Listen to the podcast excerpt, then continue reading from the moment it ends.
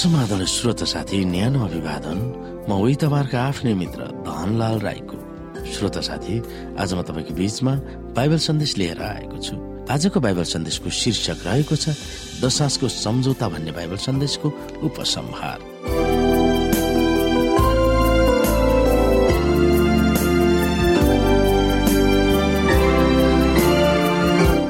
श्रोत साथी दिदी एलएनजी वाइटले हामीलाई आफ्ना पुस्तकहरूमा दशासको बारेमा अत्यन्तै राम्रोसँग व्याख्या गरेर लेख्नु भएको छ।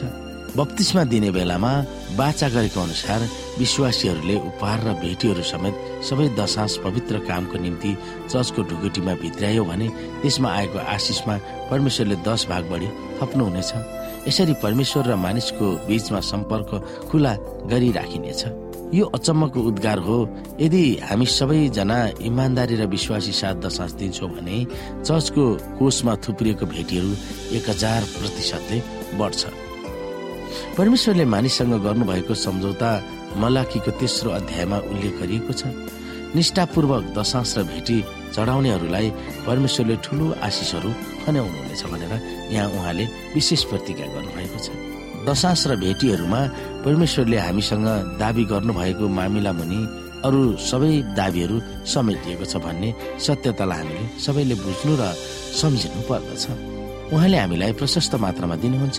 परमेश्वरले मानिससँग गर्नुभएको सम्झौतामा उससँग भएको सम्पत्तिको दस भागको एक भाग उहाँलाई फर्काउनु पर्ने उल्लेख गरिएको छ। परमेश्वर सदाशय भएर उहाँका भण्डारीहरूलाई उहाँको ढुकुटीमा जम्मा भएका खजनाहरू सम्हाल्ने जिम्मा दिनुभएको छ। तर दशासको मामिलामा उहाँले भन्नुभएको छ कि यो मेरो हो। परमेश्वरले मानिसलाई सुम्पन्नु भएको सम्पत्तिको अनुपातमा उससँग भएको सबै थोकको दशास विश्वास साथ फर्काउनु पर्दछ। यो विशेष व्यवस्थापन यसो ख्रिस आफैले गर्नुभएको थियो।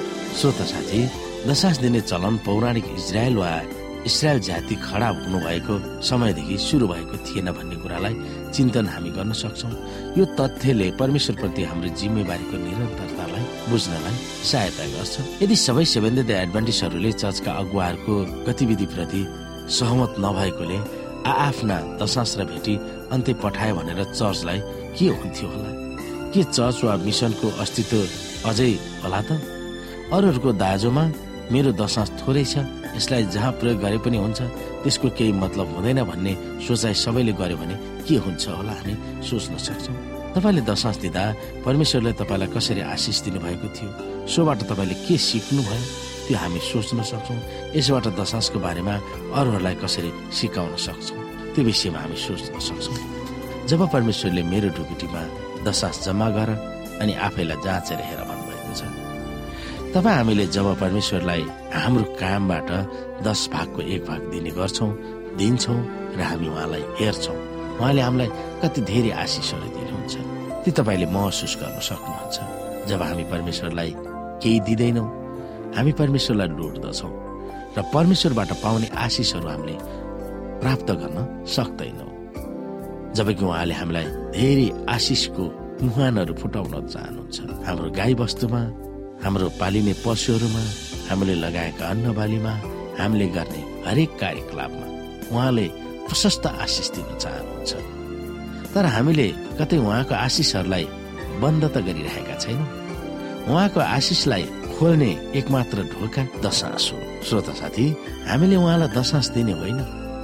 उहाँले दिनुभएको आशिषहरूबाट उहाँलाई दस भागको एक भाग फर्काइदिने हो। र त्योद्वारा परमेश्वरको महान कामहरू हुन सकोस् भनेर। जब हामी दशांश तिर्दैनौँ अथवा हामी दशांश दिँदैनौँ परमेश्वरले हाम्रो आशिषको मुहानहरू बन्द गरिदिनुहुन्छ र हामी कुनै काम लाग्ने हुँदैन। दिन प्रतिदिन हाम्रो आय स्तरमा खस्किँदो हुन्छ। जबसम्म हामी परमेश्वरको योजना अनुसार यति धेरै आशिषित हुनुपर्ने हो त्यो आशिषहरू हामी गुमाउँदै जान्छौँ। जब हामी परमेश्वरलाई लुट्दछौँ हामीलाई दिने परमेश्वरको महान त्यो आशिषहरूबाट हामी लुटिन्छौँ अथवा हामी आफैले आफूलाई आउने ढोकाहरू बन्द गरिरहेका हुन्छौँ।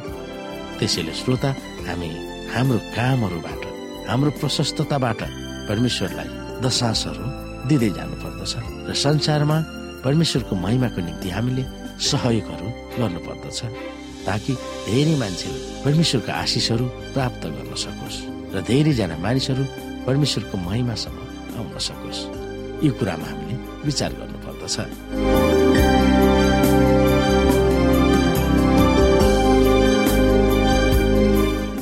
श्रोता साथी आजको लागि बाइबल सन्देश यति नै। हस्त नमस्ते जय मसिंह।